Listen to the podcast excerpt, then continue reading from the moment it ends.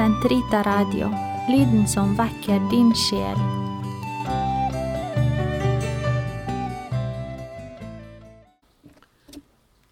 Den katolske kirkes katekisme, uke 18, fredag, paragraf 1975 til 1986. Kort sagt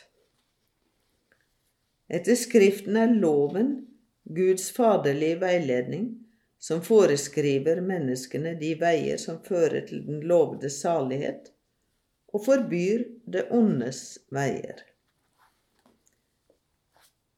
En lov er en fornuftsordning med henblikk på det felles beste, utsett av den som er leder for fellesskapet. Kristus er lovens mål.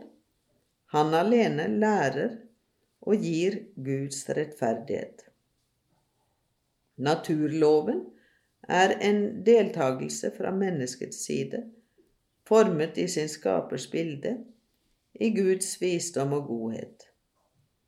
Den er uttrykk for menneskets verdighet og utgjør grunnlaget for dets grunnleggende rettigheter og plikter. Naturloven består uforanderlig gjennom historien. De normer som uttrykker den, forblir i alt vesentlig gyldige. Den danner den nødvendige grunnlov, grunnvoll som moralnormer og sivil rett bygger på. Den gamle lov utgjør det første stadium i den åpenbarte lov. Dens moralbud er samlet i de ti bud.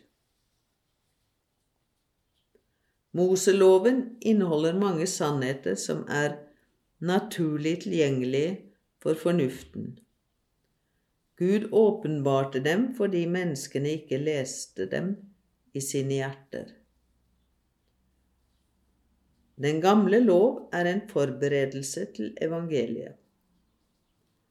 Den nye lov er Den hellige ånds nåde som mottas ved troen på Kristus, og som virker ved kjærligheten.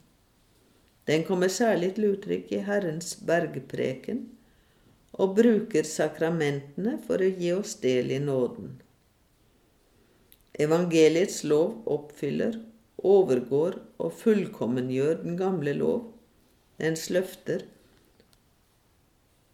ved himmelrikets saligprisninger, dens bud, ved å omskape hjertet, gjerningenes rot. Den nye lov er en kjærlighetens, nådens og frihetens lov. I tillegg til bud inneholder den nye lov evangeliske råd.